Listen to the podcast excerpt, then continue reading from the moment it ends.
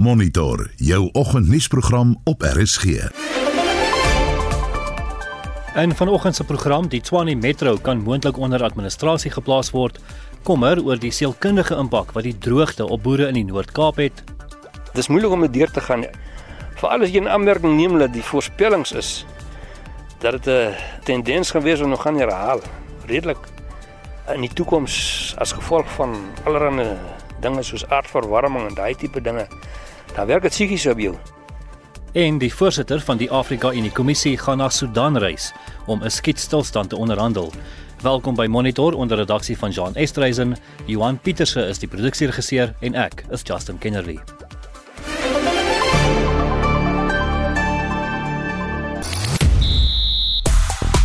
Die Springbok afrigter Jacques Ninaber verras met sy aankondiging. Die Suid-Afrikaanse nasionale swemkampioenskap eindig in goud vir Roland Skuman en die Soweto Derby wag in die Nedbank beker se halfeindronde. Ek is Shaun Schuster vir RSC Sport. Stage 8 en Eskom is baie gewilde hitsmerke vanoggend en een verbruiker sê president Ramaphosa probeer al 'n oplossing vind vir beerdkrag sedert 2018, maar dit help niks nie. En Eskom het gister gesê fase 6 beerdkrag sal bly voortduur tot verdere kennisgewing nadat verskeie eenhede onklaar geraak het. Nou 'n al kouer wind met die draai van die seisoen laat ons wonder of jy al planne beraam het oor hoe jy warm gaan bly en kos gaan maak hierdie winter. Die voorspelling is dat ons fase 6 tot 8 beerdkrag gereeld kan hê. So deel met ons hoe jy beplan om warmer te wees sonder krag. Stuur 'n SMS na 45889 teen R1.50 per boodskap of gaan praat saam op die Monitor en Spectrum Facebookblad.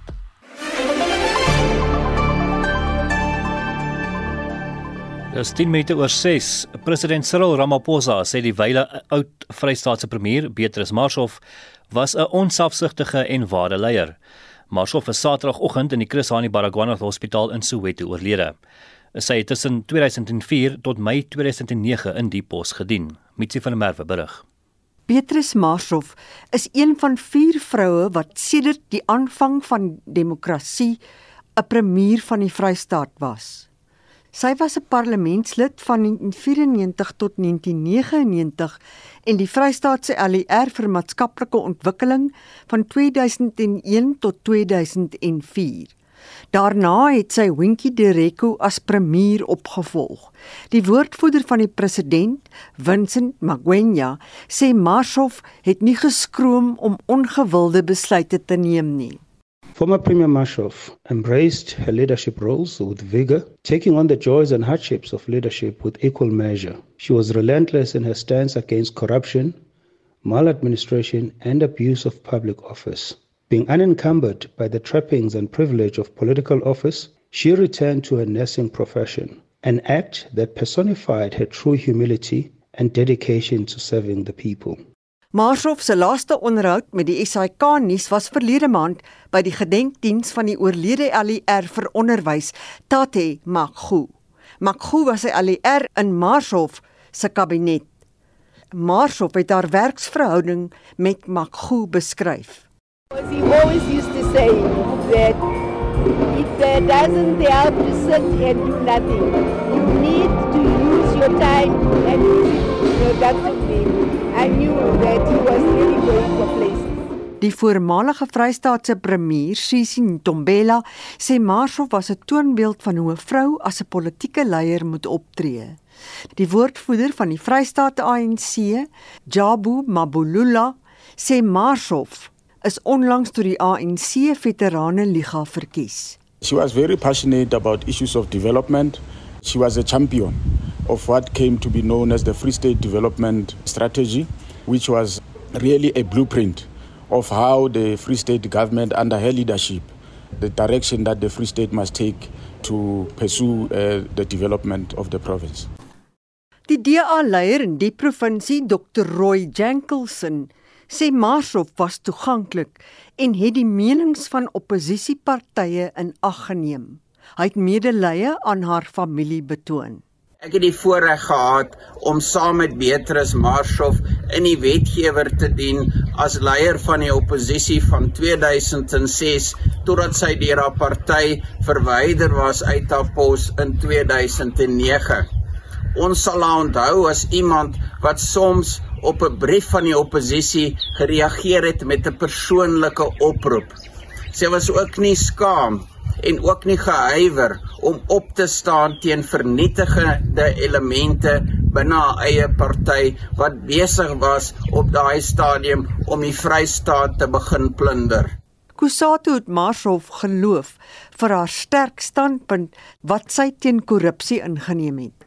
Volgens Cope het mede-ANC-lede haar verstoot juis oor haar stryd teen korrupsie. Apumulele Mdladlani het hierdie verslag in Bloemfontein saamgestel. Mitsi van der Merwe, SAK-nuus. Die RSG Red 'n Plaas Camino projek het oor die naweek in volle swang in die Holliston gebied in die Noord-Kaap begin. Die doel van die staptog is om hulp aan sukkelende boere, plaaswerkers en hulle kinders te verleen wat gebuk gaan onder knellende droogte. Byna 100 stappers neem deel en gaan 166 km oor 8 dae stap. Reginald Witboy doen verslag. Die stappers het die bibberende koue in die Holliston gebied vir 'n goeie doel trotseer om sukkelende boere te help. Die Karoo in die Noord-Kaap ervaar 'n verwoestende droogte vir die afgelope paar jaar. Die projek is deur RSG, die NG Kerk en die organisasie sonder winsbejag Caritas op die been gebring om bewusmaking te kweek oor die plaasgemeenskap se lot. Vir 8 dae gaan stappers bulte ook moet uitklim en hulle fiksheid sal getoets word. Hulle gaan in tente op plase slaap en so wat 20 km per dag stap. Een van die deelnemers is die RSG aanbieder Amorey Becker. Weet jy radio is so 'n wonderlike medium om soveel mense te beïnvloed en bewus te maak van probleme. Soos nou hier in die Noord-Kaap, ek meen hulle het 9 jaar laas reën gehad. Ons weet hulle het een seisoen van uh, so so reën gehad. So dis net om vir mense te bewus te maak van wat aangaan hierso. Dis 'n landbou provinsie. Ons het boere nodig. Ons het nodig dat die platteland oorleef. En daarom is dit net wonderlik om deel te wees hiervan. Hoor jy tot sover gaan dit baie goed. Ek het nog net 3 km geloop, so ek is skou gehalte, maar oor 100 km gaan dit 'n hele ander storie wees. Maar ek is vol moed. Die sanger en liedjie-skrywer Jak de Priester het ook besluit om deel te neem. Dis vir my 'n wonderlike geleentheid vandat ons hier aangekom het om te sien hoe al die mense hier saam staan, die boere. En om dan te weet jy as 'n sanger en 'n liedjie-skrywer om ook iets te kan bydra, is net vir my ongelooflik. Ek dink dis die rede en ek is iets vir 'n mens se siel omtrent hierdie plek en ek dink hier's baie idees vir liedjies as ek nou van hierdie mense kyk saam met wie ons stap. Wel na 2 en 'n half kilometer. Ek moet sê ek het nou al 3 keer sandblok aangesmeer. Ek het daar 'n moetjie ook. Ek weet nie. Ek dink ek gaan 'n tan hê, definitief na 100 kg. Op die stadium is ek nog lekker. Ek is fikserig. Ek speel baie tennis saam met my seentjie. Zenobia de Wee van die nuwensgewende organisasie Caritas sê boere benodig dringend hulp. Die RSG Camino Rette Plaas is vir my belangrik om net awareness ook te gee of uit te gee aan mense om ons plaasboere by te staan in die droogte. Ek bedoel die Noord-Kaap is flippend groot en ons boere sukkel geweldig en as ons boere nie hulp kry nie, sal ons ook nie kos kry nie. So ek doen maar net my deel om die boere te help. Terwyl die stappers die pad vat is Ernest van Rooyen die taak gegee om die stappers se besittings van een plaas na die ander te ry. Hy skets 'n donker prentjie oor die droogte. Ja, dit is nogal vir my iets om na uit te sien veral tot en verneek van uh, daar waar hulle die voertuie toets. Hy kon 'n voertuie, maar ek het uitgesien dat dit maar ek het nie verwag dit sou so groot wees nie. Ja, dit is feitelik 'n baie goeie doel. Ek was daar op 'n plaas daar aan die kant Lorisfontein. En uh, dit is uh, nie iets moois om te aanskou hoe die diere vrek nie. So ek dink dis iets goed wat hulle doen om uh, hulp aan te bied vir die boere. Stappers gaan verskeie plase besoek om die impak van die droogte vas te stel. Die reis sluit hierdie Saterdag 22 April af en die stappers hoop om tot die einde vol te hou. Reginald Witboy, Isaiah Wollaston in die Noord-Kaap. En ons bly by die storie. Boere in die Noord-Kaap sê die voortsleepende droogte raak hulle nie net finansiëel nie, maar ook sielkundig. Die situasie in die Karoo is duidelik sigbaar op baie plase. Boere moes hulle vee verminder om 'n bestaan te maak. Die droogte het die afgelope 9 jaar 'n verwoestende impak op boere, plaaswerkers en verbruikers gehad. Wikus Brewer is 'n boer in die Wolliston gebied. Hy brei uit oor die stand van sake. Ons het baie skaap verminder, baie ons het hulle skaap verkoop wat nie meer verder kon aangaan nie. Die finansiële het ons mos nie hulp gekry nie, so ons moes mos nou maar iets ons eie uit sak uitbetaal finansiëel het jy begin swaar trek. En redelik van die redelike groter geboere het nou ook maar minder gemaak die skaap. Ons almal het maar minder gemaak. Ja, so die inkomste het minder geraak en die uitgawes net al hoe meer geraak. Nog 'n boer, Okilou, sê die emosionele en sielkundige impak van die droogte op die landbougemeenskap is sigbaar. As boere het die droogte 'n gewellige impak gehad, finansiëel, psigies. En dit is moeilik om dit deur te gaan. Veral as jy 'n aanmerking neem dat die voorspellings is dat dit 'n tendens gaan wees om nog gaan herhaal. Redelik in die toekoms as gevolg van allerlei dinge soos aardverwarming en daai tipe dinge, dan werk dit psigies op jou.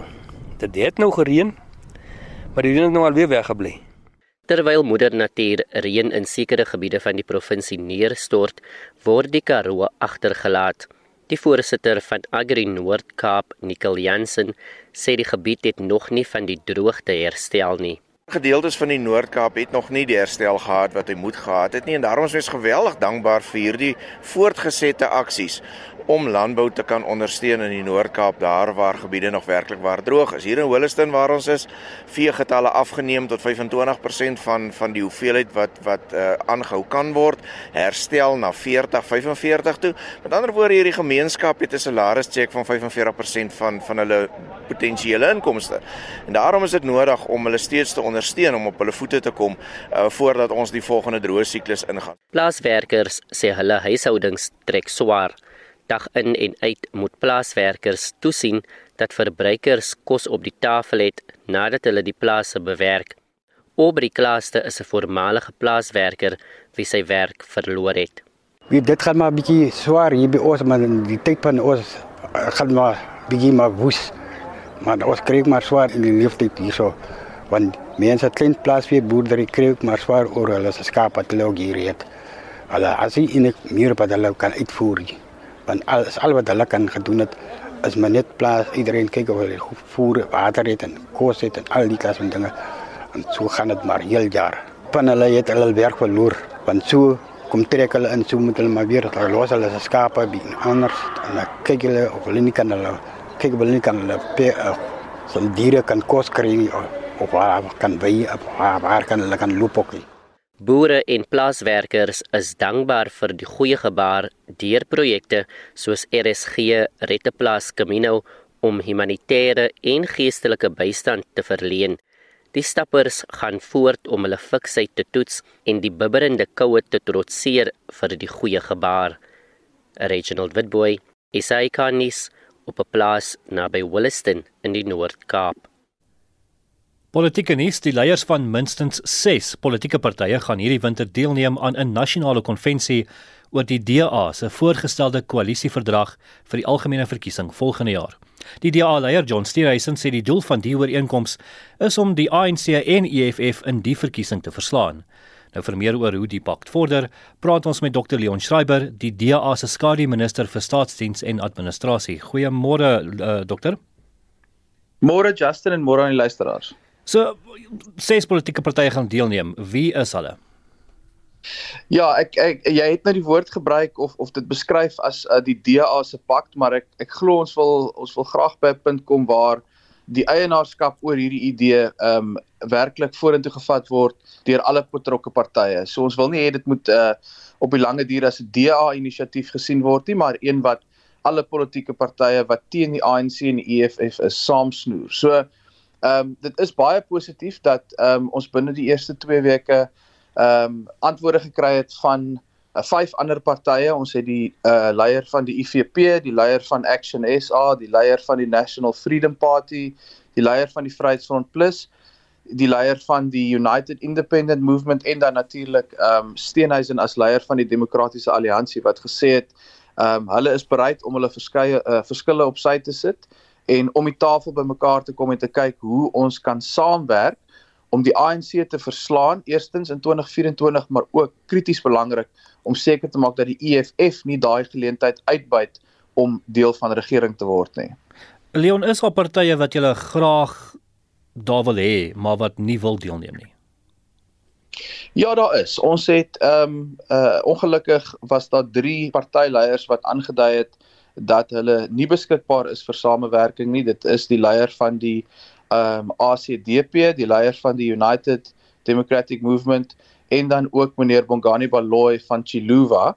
Dis drie leiers wat natuurlik die volste reg het um, om saam met hulle partye te besluit of hulle wil deelneem aan hierdie gesprekke en en saam met ons om die tafel wil sit. So ons respekteer dit. Maar terselfdertyd ehm um, is daar natuurlik nog tyd vir hulle om dit te heroorweeg en te kyk of hulle uh, nie ook ehm um, uh met ons wil hande vat nie. Daar's ook 'n hele aantal partye Justin met wie ons gekorrespondeer het uh wat nog nie hulle finale besluit geneem het nie. Ons het onder andere uh Musi Maimani van die Build One South Africa en Songezo Zibi van Rise Mzansi wat aangedui het hulle oorweeg nog die pad vorentoe en dan is daar 'n aantal ander partye wat nog nie gereageer het nie. So ons kyk nou na um ses partye wat saam omtrent 'n derde van die steen getrek het in die 2021 plaaslike verkiesing. Ons doel is dan om daai derde te groei na na die helfte van die steen natuurlik in volgende jaar se verkiesing en hoe meer ander partye in die proses nog by ons aansluit en sê hulle wil ook die ANC uithaal en die EFF uithou, hoe groter is ons kans natuurlik om by die halfpad merk 50% plus 1 uit te kom. Maar, maar wat is julle uitdagings om meer partye aan boord te kry? Wel, ek dink ehm um, dit is natuurlik iets wat nog nooit van tevore in ons demokratiese geskiedenis gedoen is nie. Daar was nog nooit ehm um, 'n pakt tussen oppositiepartye gevorm voor 'n verkiesing nie. Ons het natuurlik nou baie ondervinding met uh die oprigting van koalisies nadat 'n verkiesingsuitslag uh plaasgevind het. Maar ehm um, ek dink ons kan almal eerlik wees en sê dat daar baie lesse uh geleer was in daardie proses. Ek dink een van die groot lesse is dat die 2 week tydperk wat daar is na 'n verkiesing om 'n koalisie saam te stel is te min om 'n werkbare uh um ooreenkoms daar te stel dikwels en en en dit dit dit laai die spanning net tot so 'n mate dat dit dit moeiliker maak as wat dit behoort te wees. So ons hoop deur die proses nou te begin kan ons baie van die kwessies uitstryk tussen die partye. Ons kan eensstemmigheid bereik oor baie van die moeilike goed voor die verkiesing en dan kan ons vir kiesers die sekerheid uh, gee om te sê hier is die partye wat sal saamwerk as jy as kiezer ons help om by die 50% plus 1 ehm um, uh, kerf uit te kom en ek dink dit gaan baie help om die vertroue terug te wen in koalisies maar ook om seker te maak dat kiesers weet presies waarvoor hulle stem. Nou Leon, die ACDP sê die DA het 'n ou boethouding, soos hulle dit noem, en moes eers met partye gepraat het voor die aankondiging van hierdie moontlike koalisieverdrag. Wat wat is julle standpunt daaroor? Wel, ek dink dis dis jammer. Ehm um, die eerste punt om te maak natuurlik is daar is geen koalisieverdrag of 'n pakt ooreenkoms op hierdie stadium nie. Waaroor dit gaan is juis om om die tafel te sit en 'n uh, so moontlike ooreenkoms uit te werk. So ehm um, jy weet om, om te sê dat daar dat ons nie gaan deelneem eers aan die gesprek nie, maar dan terselfdertyd te sê dat dit dat ehm um, jy weet besluite geneem is, dink ek is is is jammer en en onakkuraat. So ek dink natuurlik soos ek sê daar's geen huiwering by die DA om te sê dat ons uh heeltemal toegee dat daar goed is wat ons kon beter doen wat betref die koalisies na 2016 en 2021 nie. Ehm um, maar hierdie is 'n opregte poging om dinge anders te doen. Hierdie is 'n poging en en werklik 'n uh, 'n grootmoedige poging om te sê kom ons sit ons verskille op sy en ons doen nou al die moeilike werk voor die verkiesing om seker te maak dat ons hierdie koalisie 'n beter kans gee om te slaag. En meneer uh, uh, Meshwe ehm um, se teenwoordigheid sal help daarmee. So die deur is absoluut waarwyd oop vir ander partye wat ook ehm um, die gemeenskaplike doel deel om die ANC te verslaan en die EFF uit te hou. Maar dankie en Leon Schreiber is die DA se skare minister van staatsdiens en administrasie. 28 minute oor 6 en 3 jaar na die bekendstelling van die plaaslik ontwikkelde Invigilator toepassing gaan dit nou in ander lande gebruik word. Dewald Joubert van die Universiteit van Johannesburg se departement rekenkunde en die mede-stigter van die Invigilator is op die lyn om ons meer te vertel. Goeiemôre Dewald. Goeiemôre Justin en goeiemôre luisteraars. So hierdie toep maak dit moontlik om bedrog tydens tuiseksamens uit te skakel. Na 3 jaar, hoe suksesvol is dit? Justin, ons is regtig baie opgewonde oor die resultate, so baie suksesvol en ons sien waar die toepassing gebruik word by universiteite 'n uh, 'n daadwerklike afname in onetiese gedrag. En ons sien ook ons, jy weet, die sukses daarvan die feit dat ons uitbrei, ehm um, baie goed uitbrei en ook na COVID uitbrei. Ons was natuurlik 'n bietjie bekommerd oor wat sal gebeur na COVID, maar gelukkig uh vir ons het ook uh, opvoedkunde heelwat verander na COVID en baie baie uh, opgewonde daaroor. So 'n student wat wil verneek, sal verneek dat hulle sal skuiwergate vind. Het jy al so iets teëgekom en hoe is dit aangespreek? Ja, so so soos ons aangaan natuurlik uh, kom studente ook meer en meer agter presies wat ons doen. Uh, en daarom is konstante innovasie belangrik en natuurlik wat ons doen is ons brei ons funksionaliteit uh, gedurend uit en een van die funksionaliteit of aspekte wat ons tans ingebring het wat ons baie opgewonde oor is wat baie effektief werk is dat ons ook kyk na soortgelykheid. Met ander woorde studente wat dieselfde assessering skryf, kyk ons of daar enige soortgelyk tussen hulle antwoorde is en as daar enige iets is wat ons dan oor bekommerd is, dan kan ons daarop reageer. So uh, dit kyk wat wat daarvan anders is as ander toepassings wat tans in die mark beskikbaar is, is dit gaan meer oor plagiaat en en dit dit gaan terug na bronne wat beskikbaar is in akademiese bronne waar hierdie anders is dit kyk na studente met student. So dit is byvoorbeeld een van die funksies uh wat 'n groot verskil maak en dan wat ek net wil byvoeg wat ons ook baie um, tevrede oor is is dat ons dit ook maak nou gebruik van hulle noem dit in Engels OCR tegnologie, maar dis basies as studente ook hulle antwoorde geskrewe maak dat ons dit eers omskakel na rekenaarteks en dan kyk ons ook vir seert uh vir soortgelyke daarvan. Nou hierdie toep gaan ook in Indië en Mexiko gebruik word. Hoe het dit gebeur? So basies ehm um, natuurlik het ons gekyk na uh, ons moet vinnig teruggaan net oor hoe die toepassing ontwikkel is en is natuurlik in COVID en toe het ons besef wel ons moet kyk dat die akademiese integriteit van vraestelle wat aanlyn geskryf word maar spesifiek in die Suid-Afrikaanse sosio-ekonomiese realiteite waar toegang tot data natuurlik die die toegang daarvan, die spoed daarvan, maar ook die koste daarvan. 'n uh, 'n probleem is en dan toegang tot rekenaar. So dit het aanleiding gegee tot dit. En en toe het ons vir onsself gesê, oké, okay, maar nou dat ons goeie vordering sien in Suid-Afrika, waar dink ons gaan ons eers gaan waar daar soortgelyke realiteite is? En toe het ons uh, laas jaar September na Mexiko uh, Mexiko toe klomp akademiese instellings daar gaan sien en die belangstelling was ongelooflik goed geweest en ons het nou 'n kantoor daar gevestig, so ek werk nog aan my Spaans. Ehm um, maar dan ook in Indië is 'n soortgelyke 'n uh, soortgelyke storie alhoewel ons daar nog in die in die wil ek amper sê ons begin nou net daar, so ons is tans besig om ons voelers uit te steek en ons het reeds 'n paar uh, uh, pilot toetse wat ons daar doen met universiteite. Nou Dewald, ons het oor die afgelope paar maande groot vooruitgang in kunsmatige intelligensie gesien soos ChatGPT byvoorbeeld. Um kan die kunsmatige intelligensie wat julle toe gebruik ook so gevorderd raak?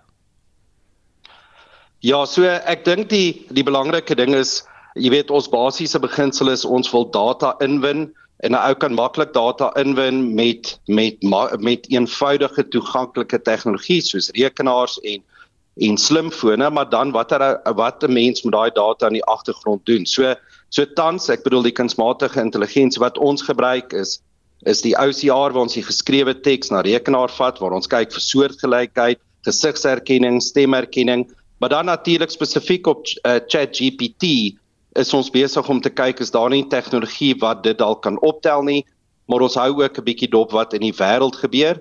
Maar ek dink ook net vinnig wat ek wil noem met Chat uh, Chat GPT is ook die beginsel dat ehm um, onderwys is besig of opvoedkunde is besig om te verander dat ons meer prakties begin toets, dat ons meer 'n unieke scenario in ons toetsomgewing sit, want op die ou end moet ons ook ons studente leer dat dat al hierdie hulpmiddels is daar in die regte wêreld en en wat vir my belangrik is is ons moet studente oplei om in die regte wêreld te opereer. Met ander woorde, dis dalk 'n bietjie van 'n ander debat maar ek dink gegee al hierdie tegnologie gaan ons onderwys ook ook uh, verander en ons gaan studente moet seker maak dat hulle die vaardighede het eerder as die teoretiese kennis.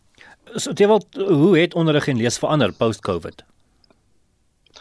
So baie baie opwindend. Ek dink wat belangrik is is dat wat die navorsing vir ons gesê het voor COVID waar opvoedkunde moet na beweeg het nou net vinniger gebeur. So dit dis belangrik dat ons gemengde leer, met ander woorde dat tradisionele residensiële instellings uh, meer en meer van aanlyn leer ook gebruik maak, maar ook net dat ons moet uitbrei na meer aanlyn leer. Natuurlik aanlyn leer uh, maak opvoedkunde soveel meer toeganklik wat ook natuurlik baie belangrik is in die ontwikkelende wêreld.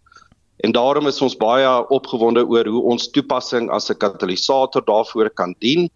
En, en dan en dan wat ek baie self as akademikus of 'n uh, opvoedkundige oor opgewonde is 'n spesifieke deurlopende assessering. Dit gee ons nou die geleentheid om meer en meer te assesseer en ons kan dan gebruik maak van verskillende assesseringsmetodes en dit natuurlik is 'n baie meer effektiewe oplossing vir die studente en deur dit kan ons ook meer vaardighede ontwikkel. So so opvoedkunde is regtig 'n area wat wat goed daar uitsien na COVID. Ons sien baie innovering deur dosente en uh, ek wil nie te filosofies raak nie, maar dosente was 'n bietjie ehm um, is is tradisionele bietjie ehm um, wat sal die woord wees konservatief en ek dink tydens hierdie pandemie het ons gesien dat ons kan vinnig reageer en en ook innoverend wees.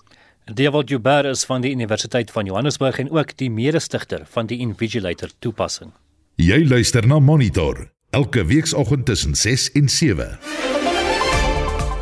In die nuus minstens 6 politieke partye gaan deelneem aan 'n nasionale konvensie om 'n koalisieverdrag vir die algemene verkiesing op te stel.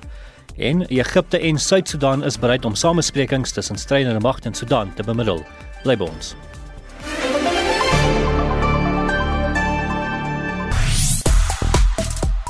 Nou ja, die dae begin stadig aan korter en kouer raak en ons wil weet hoe jy gaan warm bly hierdie winter met voorspellings van fase 6 tot 8 beurtkrag. Uh ja, deel met ons hoe jy beplan om warm te wees sonder krag.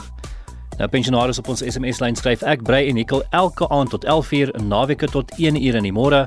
Ek het 'n warm kombers wat ek oor my bene en skoot gooi, heerlik warm en verder het ek 'n dik baadjie aan. Sal nie nee sê vir so 'n kombers nou is dit? Ja, natuurlik Justin. Dan sê Alda van 'n graaf daar is 'n gasstoof in die kombuis vir sop, 'n potjie op kolle vir braaivleis, 'n gasverwarmer buite en lekker sherry of rooi wyntjie en daar gaan jy. Arno Stevenson sê baie van ons is nie finansiëel bevoordeel genoeg om te beplan en planne te maak nie, moet maar vat soos dit kom. En Esme Elof is ook baie dankbaar vir haar gasstoof en gasverwarmer. En laaste woord vir nou gaan aan Karel Kreer wat sê warm klere, baie sop, gas om kos te verwarm, snoesige warm kombers in plaas van komberse wat krag nodig het, warm sokkies of pantoffels vir koue voete, omarm die winter. My vrou sal ook so sê.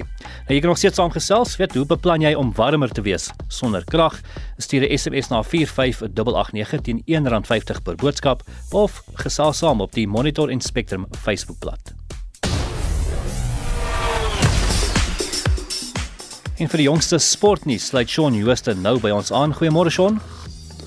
Goeiemôre Justin. So die Springbokke is op soek na 'n nuwe afrigter en dan was daar ook gister Karibeker aksie.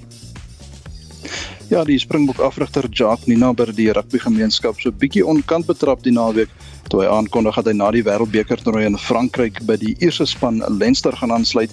Nou name vir 'n moontlike plaasvervanger is reeds breedvoerig bespreek en die bokassistente Zwandile Stick en Dion Davids asook die Stormersbreier John Dobson lyk my is van die vroeë gunstelinge om moontlik by Ninaber oor te neem. Dan in die Karibeker reeks het die huidige kampioene, die Pumas, die Griffins met 64-6 in welkom vermorsel en Griquas het in die doodsnike van hulle kragmeting in Johannesburg teen die Lions 22 fases opgestel, 'n 3 gedruk en met 25-18 geseëvier. En in SA nasionale swemkampioenskap in Ibega het gisteraand tot einde gekom. Ja, op die laaste dag is verskeie wêreldkampioenskap en Olimpiese kwalifikasiestye opgestel. Nou goud op die dag het ge, het gegaan aan Pieter Kotse. Dit was in die 200 meter rugslag, Aaron Gallagher in die 50 meter vlinderslag en ek Donay Kotse in die 400 meter vryslag en die Suid-Afrikaanse legende Roland Skuman het ook goud verower in die 50 meter vlinderslag, maar sy tyd van 23.83 sekondes was ongelukkig nie goed genoeg vir 'n wêreldkampioenskap kwalifisering kwalifiseringstyd nie. 'n Watertand kragmeting lê voor in die Nedbank beker se halfeindronde en Arsenal soog onder Engelse Premier League druk. Ja, in die naweek se Nedbankbeker kwart eindstryde het Stellenbosch FC vir Sundowns met 2-1, Sekhukhune vir Chippa United ook met 2-1 uitgeskakel. Orlando Pirates ontsnap met 'n 5-4 oorwinning oor Dundee Stars. Dit was na strafdoele en Kaizer Chiefs wen 2-1 teen Royal AM danksy 'n uh, doel in die eerste helfte van ekstra tyd. Nou in die halfeindstryde kom Sekhukhune teen Stellenbosch FC te staan en dan daardie mondwater kragmeting waarvan jy praat, die Soweto Derby tussen Kaizer Chiefs en Orlando Pirates. Die datums en tye moet nog bevestig word. En dan in die Engelse Premier League het Arsenal 2 elk gelyk gespeel teen West Ham United. Hulle is nou 4 punte voor Manchester City. City het 'n uh, een wedstryd minder gespeel en Manchester United is op na die derde plek na 'n 2-0 oorwinning oor Nottingham Forest. En Andrei Rublev is 'n Monte Carlo meester en 'n voormalige wêreldnommer 1 se terugkeer word weer uitgestel. Ja, Andre Rublev van Rusland het Holger Rune van Denemarke met 5-7 6-2 en 7-5 geklop en ook sy eerste meesterstitel ingepalm. En dit bring ons by die Barcelona Ope wat die week eh, plaasvind.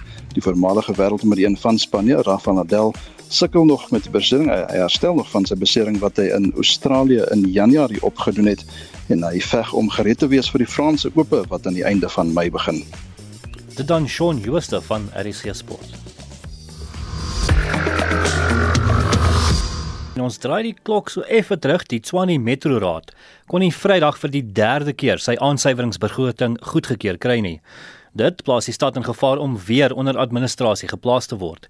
Die metro is in 2020 onder administrasie geplaas, maar die konstitusionele hof het daarteen beslis. Ons praat met die Tshwane Metro se burgemeesterskomitee lid vir finansies, Pieter Sutton. Goeiemôre. Goeiemôre en goeiemôre aan jou luisteraars. So verduidelik eers waarom kon julle nie Vrydag genoeg stemme kry om die aansuiveringsbegroting goed te keur nie? So wanneer dit kom by die goedkeuring van enige begroting, uh vereis die wetgewing dat jy 'n meerderheid van die totale stemme moet hê. So met ander woorde 50 plus 1. In die geval van die stad Tshwane is dit 108 stemme en Vrydag kon ons net 107 uh stemme kry. So daarom kon alhoewel dit 'n meerderheid van die stemme was, uh is dit nie 'n volstrekte meerderheid nie en daarom kon die begroting nie deurgaan nie verduidelik ook net gou eers wat is die verskil tussen die jaarlikse begroting en die aansuiveringsbegroting?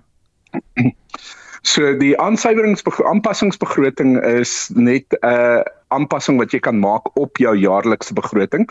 Baie interessant net is 'n uh, aanpassingsbegroting is nie wetgewend nie. So die wet vereis jou nie om 'n aanpassingsbegroting uh, te goed te keer nie dit is net in eh, in diskresie gebaseer op uh, sekere uh, gevalle waar jou inkomste minder is as jy minder inkomste verhaal as wat jy aanvanklik uh, beplan het in jou begroting maar dis nie 'n wetgewende vereiste nie. Uh waar jou jaarlikse begroting wat ons wel uh goedgekeur het vir publieke deelname Vrydag. So daar's twee prosesse in hom. Die eerste een is hy moet in die raad goedgekeur word vir publieke deelname wat wel gedoen is en dan sal hy Mei maand terugkom vir volstrekte goedkeuring uh vir implementering. En die verskil van die twee is presies dit. Die een is jou jaarlikse begroting wat jou beplan is met jou geïntegreerde ontwikkelingsplan waar jou aanpassingsbegroting is net 'n aanpassing op daai uh begroting vir die vorige jaar of die huidige jaar eerder sal ek sê. So beïnvloed die feit dat julle vir die derde keer nie hierdie aansuivingsbegroting um kon deurdruk nie of goedgekeur kry nie. Beïnvloed dit dienslewering in die metro of sal ons dit eers volgende jaar sien? Nee, dit beïnvloed dit beïnvloed dienslewering en ek dink ons moet baie regheid wees daaroor. Dit het 'n baie groot impak op dienslewering. Wat deur 'n jaar gebeur tipies is jy sal uitgawes hê wat jy nie noodwendig beplan het nie of jy sal uitgawes hê wat meer is as wat jy aanvanklik uh verwag het. Dit gaan wees jy weet lewe gebeur. Jy kan nooit 'n perfekte stuk papier deursit en dink alles gaan net werk op dit nie. Die aanpassingsbegroting word gebaseer op die feit dat jy besparings moet identifiseer in afdelings of in departemente. En dan kan jy van daai besparings oorskuif na areas waar jy dit brood nodig het waar daar tekort aan fondse sal wees. Ehm um, jy kan nie nuwe projekte inbring nie, jy kan nie nuwe aspekte doen nie.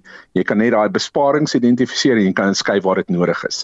In ons geval is daar kritiese departemente wat addisionele fondse nodig het om hulle dienslewering te kan volhou en omdat ons nie die aanpassingsbegroting kan kon deursit Vrydag nie, ehm um, het dit wel 'n impak. So dan raak dit wat jy noem ehm um, of jy weet uitgawes wat nie uh, geregmatig goedgekeur is nie en dit kan 'n baie groot impak hê. En wat ons wel kan doen ons kan 'n proses volg om dit uh, reg te stel wat ons reeds begin het. Uh so ons is nie in 100% in sak en as op hierdie stadium nie, maar dit is 'n baie ernstige situasie. So hoe naby is julle dan om onder administrasie geplaas te word en wat kan julle nog doen om dit te keer? Ons is nie uh, dit is dit is 'n dit is 'n baie moeilike vraag my om te antwoord. Mens weet nie wat die MEC sal wil doen nie, maar op hierdie stadium moet ons in gedagte hou dat elke keer wat ons nie die aanpassingsbegroting kon goedkeur nie, het ons wel die proses gevolg en toestemming gekry. So vir alle doeleindes is ons nog nie laat om die aanpassingsbegroting deur te stuur nie. Ons het weer aansoek gedoen vir vir uitstelling tot die einde van die maand. Ehm um, waar ons dan uh beoog om weer die aanpassingsbegroting raad toe te vat. En ek het gister uh 'n skrywe gesien van die MEC wat wat wat dit laat blyk het hy gaan nie beweeg om ons onder administrasie te sit oor die aanpassingsbegroting nie. Maar dis nie 'n saak wat mens altyd 100% oor seker is nie. Jy weet uh ons weet wat in 2020 gebeur het al wat ons kan doen, uh, ek dink van ons kant af, ons kan beheer wat ons kan beheer. Uh raadslede in die oppositie soos wat ons nou sien, speel op speel politiek. Hulle het nie die begroting goedgekeur nie vir politieke redes. Jy weet om 'n om 'n mes teen ons keel te probeer hou. En uh en dis wat hier aangaan. Hulle hulle hulle bekommer hulle nie oor dienslewering nie. Hulle is nie uh bekommerd oor die inwoners van die stad nie. Is net vir hulle persoonlike winne wat hulle wil kry um, om 'n mes teen ons keel te hou in terme van die goedkeuring van die begroting sodat ons nie nommers gehad het nie. En ons kan dit nie beheer nie. Ons kan net beheer wat ons kan. Ons fokus bly volstrek op die fokus om dienslewering te gee vir die inwoners. Alhoewel ons in 'n baie moeilike omstandighede is van die begroting uh, kan ons dit hanteer maar ons moet bly fokus op dienslewering. Dit is wat ons kan beheer. Ons kan nie die oppositie beheer nie en ons sal dit hanteer en ons regspan is besig is gereed om in te tree waar nodig. Maar dankie. Pieter Sutton is die Tshwane Metro se burgemeesterskomitee lid vir finansies. Internasionale nuus: Die geweld tussen die Sudanese weermag en 'n semi-militêre groep woed vir 'n derde dag, ondanks 'n tydelike skietstilstand. 'n Doktersvakbond sê bykans 100 mense is reeds in die konflik dood. Die Wêreldvoedselprogram het intussen tydelik sy bedrywighede in Sudan gestaak om die veiligheidssituasie in die land te heroorweeg. Drie van sy werknemers is dood. Ons praat nou met die hoof van internasionale betrekkinge by Solidariteit, Jaco Kleinhans. Goeiemôre Jaco. Goeiemôre Justin. So hierdie is humanitêre hulp wat dringend nodig is in die land. Hoe groot is die bedrywighede van die Wêreldvoedselprogram daar en watter impak het die onttrekking van hulp op voedselsekerheid? Ja, Justin, hierdie is baie ernstig. Hierdie is een van die grootste projekte van die VN se wêreldvoedsel uh, program. Sudan het tans uh, een van die van die grootste krisisse met met voedseltekorte om jou idee te gee. Dis veral hierdie tyd van die jaar. Dit is in April en Julie waar daar uh, gewoonlik uh, groot voedseltekorte in Sudan is. Die afgelope 2 jaar se politieke onstabiliteit het natuurlik die probleem wesentlik vererger. So byna 8 miljoen mense in Sudan ervaar tans soos wat ek en jy nou hier praat ernstige voedseltekorte. Hulle het oor die afgelope weke het hierdie mense ehm um, uh, voedsel gekry met 'n uitgebreide uh, program van die voedselorganisasie. Hulle het kantore um, reg oor Sudan, ehm um, personeel op grond wat wat hierdie voedsel versprei en dit alles het Saterdag tot 'n einde gekom tydelik nadat drie uh, werknemers van die Wêreldvoedselprogram dood is in hierdie aanvalle. Ons het gister ook gesien dat van die uh, VN se geboue aangeval is. So 'n mens uh, moet bekommerd wees hieroor en waarskynlik in indien hierdie geweld voortduur verwag dat daar nie binnekort binne die volgende paar dae weer 'n hervatting van die program sal wees nie. So hierdie sê semi-militêre groepe sê dat hulle is in beheer van Khartoum asook ander dorpe. Die regeringsmagte ontken dit. So wie kan ons glo? Ja, kyk, uh, wat ons eintlik maar hiermee sit is natuurlik 'n 'n poging, 'n hernuide poging tot 'n staatsgreep. Ehm um, want eh uh, die die sogenaamde Rapid Support Forces, hierdie ehm um, um, militante of mil militia groep, ehm um, het 'n uh, Saterdag 'n uh, baie spesifieke eh uh, ehm um, 'n fokus gehad of teikens gehad, die presidensiële paleis, die internasionale lughawe, eh uh, die militêre die hoofkantoor van die weermag, die departement van verdediging. En dis tipies die die soort van plekke wat jy sal teiken wanneer jy 'n staats greep probeer uitvoer. Nou hulle is redelik um, sterk. Ons moet dit nie onderskat nie. Dit is nie 'n klein militia groepie wat 'n wat 'n staatsgreep probeer uitvoer soos wat mens soms in Afrika lande sien nie. Hulle het 'n um, uh, 100 000 goed opgeleide soldate aan hulle kant. Hulle beskik oor uh, baie geld omdat hulle oor uh, dele van die goudmyne uh, van Eh, van Sudan beheer uitoefen. Hulle het baie ammunisie um, en en uh ja, die die die groot vraag is wie beheer nou wat. Gisteraand nog was daar ewige gevegte rondom die brug uh wat uh langs die Blou Nyl natuurlik loop. Onthou die die stad waar die hoofstad van Sudan word geskei deur die Blou Nyl rivier en uh, om woonbuurte te beheer, om sekere strategiese plekke te beheer, moet jy natuurlik hierdie hierdie brug, hierdie oorgang oor die rivier uh beheer. En ja, ek het ver oggend maar ligfoto's gesien Eh, van van sommige van hierdie plekke wat waar daar gister ewige bombardering plaasgevind het. Die weermag van Sudan beheer natuurlik wel die lugmag en hulle het vegvliegtuie, so hulle het heelwat lugaanvalle gister uitgevoer. Dit gaan natuurlik alles net veroorsaak dat die dodetal gaan styg. Kyk, ons het 'n idee van hoeveel burgerlikes dood is. Byna 100 burgerlikes is dood, 600 is beseer sover,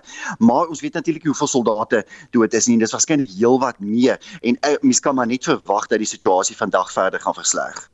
So Egipte en Suid-Sudan het aangebied om die samesprekings uh, te bemiddel om 'n uh, oorgangsregering uh te dat dat gesprekke daaroor moet hervat. Uh, maar kan hierdie partye werklik 'n verskil maak? Ja, kyk die probleem is dit gaan hier oor oor eie belang. Uh Justin, dit gaan oor mag, dit gaan daaroor dat hierdie um uh, Rapid Support Forces en hulle baie sterk leier Mohammed Hamdan Dagalo um natuurlik nie deel wil word van Sudan se weermag nie.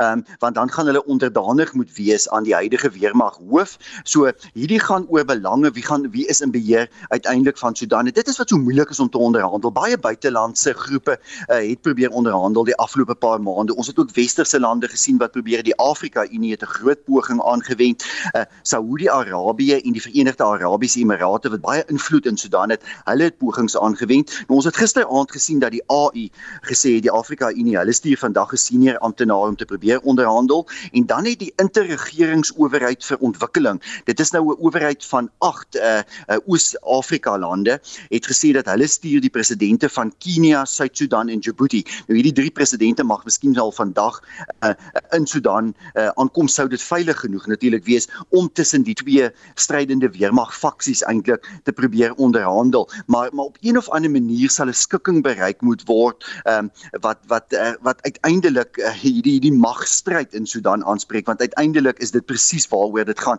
Die weermag in Sudan is al vir 70 jaar in in 'n baie sterk posisie en nou sien ons 'n interne magstryd wat uiteindelik tot 'n tot 'n volskaalse burgeroorlog kan lei kyk daar word tans geveg nie net in die hoofstad nie, maar ook in die weste uh, en daarvoor ook in die ooste in Kassala. Dit is besig om reg oor die land uit te uit te um, te versprei hierdie hierdie geweld. Baie dankie uh, Jaco en dit was Jaco Kleinhans vir die hoof van internasionale betrekkinge by Solidariteit. Nou die Facebook verkragter en moordenaar Tabo Bester bly in aanhouding in die Gosimampuru gevangenis in Pretoria. En vir sy perspektief oor wie Bester is, praat ons met Dr Gerard Labeskagni, die voormalige hoof van die Suid-Afrikaanse Polisie Diens se ondersoekende sielkundige eenheid wat profile van misdadigers saamgestel het. Goeiemôre. Goeiemôre almal. So jy het Bester in 2011 ontmoet. Wat onthou jy van die ontmoeting en hoe hy opgetree het? Ja, dit was uh, net na sy arrestasie in omtrent Oktober 2011. Ehm um, ek is gevra om ondersoek om te doen. Ehm um, ek was tans in die destyds in die polisie.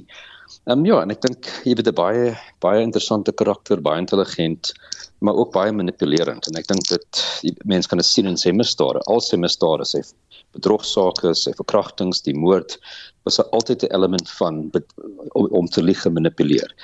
En jy weet dit is duidelik dat ehm um, dit is amper sy kan amper sê sy karakter wat nie die nie, nie maklik gaan verander. En ek dink as ons kyk nou wat hy gedoen het tydens sy tyd in die tronk, het daai tipe manipulasie ehm um, amper kan sê erger geword want sy misdade het amper groter geword met tyd.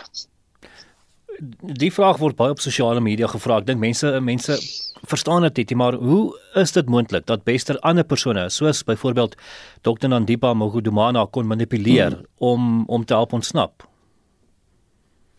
Ja, kyk, ek dink dit is sy talent. Hy is die meeste manipuleerder. Ehm um, ons weet nie wat die geskiedenis tussen hulle is. Jy weet, ons weet nie of hulle mekaar voor sy arrestasie in 2011 ontmoet het. En met ander woorde, daar sou 'n bestaande verhouding van een of ander aard wees. Ehm um, of dit is dit iets wat later ontwikkel. Ehm um, so ons is nie dit dit sal beïnvloed jy weet hoe hoe dinge uitgedraai het. Maar soos ek sê, hy het al mense um, hy het byvoorbeeld voor sy arrestasie um, in 2011 'n uh, vliegtuigmaatskappy gemanipuleer dat hy dat hulle vir hom 'n privaat vliegtuig uh, charter en dat hy glad nie daarvoor betaal. Jy weet dit is iets wat jy jy kan jy kan nie sommer regkry jy jy moet die meeste manipuleer wees en ek dink dit is weer eens te doen met sy persoonlikheid. Ehm um, en hy het maar net hierdie talent, hierdie skill ontwikkel oor die jare om om mense te manipuleer. Dink jy mense kom agter dat hulle op die manier gemanipuleer word? Kyk, ek dink daar gaan hy, hy gaan nie altyd suksesvol wees met almal. Ehm um, so daar's seker baie mense wat nie vir sy storie val en dan jy weet wil niks met hom te doen nie. Maar ongelukkig, jy weet as jy genoeg tyd keer probeer met mense, jy sal mense kry wat jou glo. Ehm um, en soos ek sê, dit wat ons sien met die Ponzi schemes of mense wat hulle hele pensioengeld vir iemand gee um, om te beleg om te belê. Jy weet dis ongelukkig jy jy gaan antwoord jy iemand kry wat vir jou gaan luister en jy gebruik daai persoon tot daai persoon nie meer enige waarde of of voordeel vir jou het en dan jy weet gooi jy hulle een kant toe. So iemand met hierdie kom ons sê maar talent word nou weer in die tronk geplaas. Hoe keer jy hmm. dat hy weer ontsnap, dat hy weer mense manipuleer om sy sy sin te kry? Dit is die probleem. Ehm um, ek dink as jy toegang het tot geld in die tronk, jy kan enigiets kry wat jy wil hê. Jy hoef nie eers mense te manipuleer. Ehm um, en dit is my bekommernis vir daar in maak nie saak watter tronk jy gaan in wees. Ehm um, hy sal soos ek sê, sy sy talente gebruik om mense te manipuleer of hy gaan as hy toegang het tot tot geld, hy gaan sy geld gebruik om mense te manipuleer. So hy sal altyd 'n uh, gevaar wees vir daai tipe bedrag vir 'n ontsnapping. Ehm um, ek onthou in my onderhoud destyds sy gesê weet hy wil eendag vry word en natuurlik hy het dit reg gekry plaas jaar my. So en en my bekommernis is dat hierdie ouens wat hoogs intelligent is en manip manipuleerders is gewoonlik doen baie goed in die tronk en kry dinge baie goed dinge, dinge reg in die tronk. Alles dit net om hulle lewensstandaard te verbeter. Ehm um, en so hy gaan altyd ehm um, 'n risiko wees vir vir manipulasie, vir ontsnapping, uh vir korrupsie binne die tronk en hulle gaan baie baie noukeurig na hom moet kyk. Of hulle die talent en uh, die skills het om dit te doen, uh, weet ek nie. Net so laaste vraag, wat is die werklike les wat ons uit hierdie hele gebeurtenis moet leer? Ah, jy weet ek ek, ek dink dit is dit is verskillend. Ehm um, ek weet baie mense is is bevoorreg vinger gewys na G4S, maar jy weet ons gewone korrektiewe diens het baie mense al ander mense laat ontsnap. So ons as 'n mens onthou baie jare terug Ananias Mate. Ehm um, ek dink hy het maksimum ehm um, in, in Pretoria ontsnap. Uh letterlik uit die stelle deur uitgestap. Ehm um, dit gaan altyd 'n probleem wees en hoe as ons nie 'n baie sterk stelsel het, ehm um, die hierdie goed kan net erger word. Ons gaan meer ontsnappings sien. Ehm um, ongelukkig jy het 'n populasie van mense wat krimineel is binne in 'n sekere plek. Hulle het hulle het nie toegang tot al die dinge wat hulle wil hê, so hulle gaan altyd probeer manipuleer ehm um, en kry wat hulle wil. Hulle gaan wagte betaal om te kry wat hulle wil hê. Dit dit is dis 'n ongoing issue. Ehm um, en ek dink jy weet as die, hoe meer die die die kontrolemeganismes in plekke soos korrektiewe dienste uitmekaar uitval, gaan hierdie goed net erger wees. Baie dankie en Dr Gerard Lebaskagni is die voormalige hoof van die Suid-Afrikaanse Polisie Diens se ondersoekende sielkunde eenheid. En daarmee groet ons namens ons uitvoerende regisseur Nicoline de Wee, die redakteur Jean Estreisen, produksieregisseur Johan Pieterse en ek, is Justin Kennerly.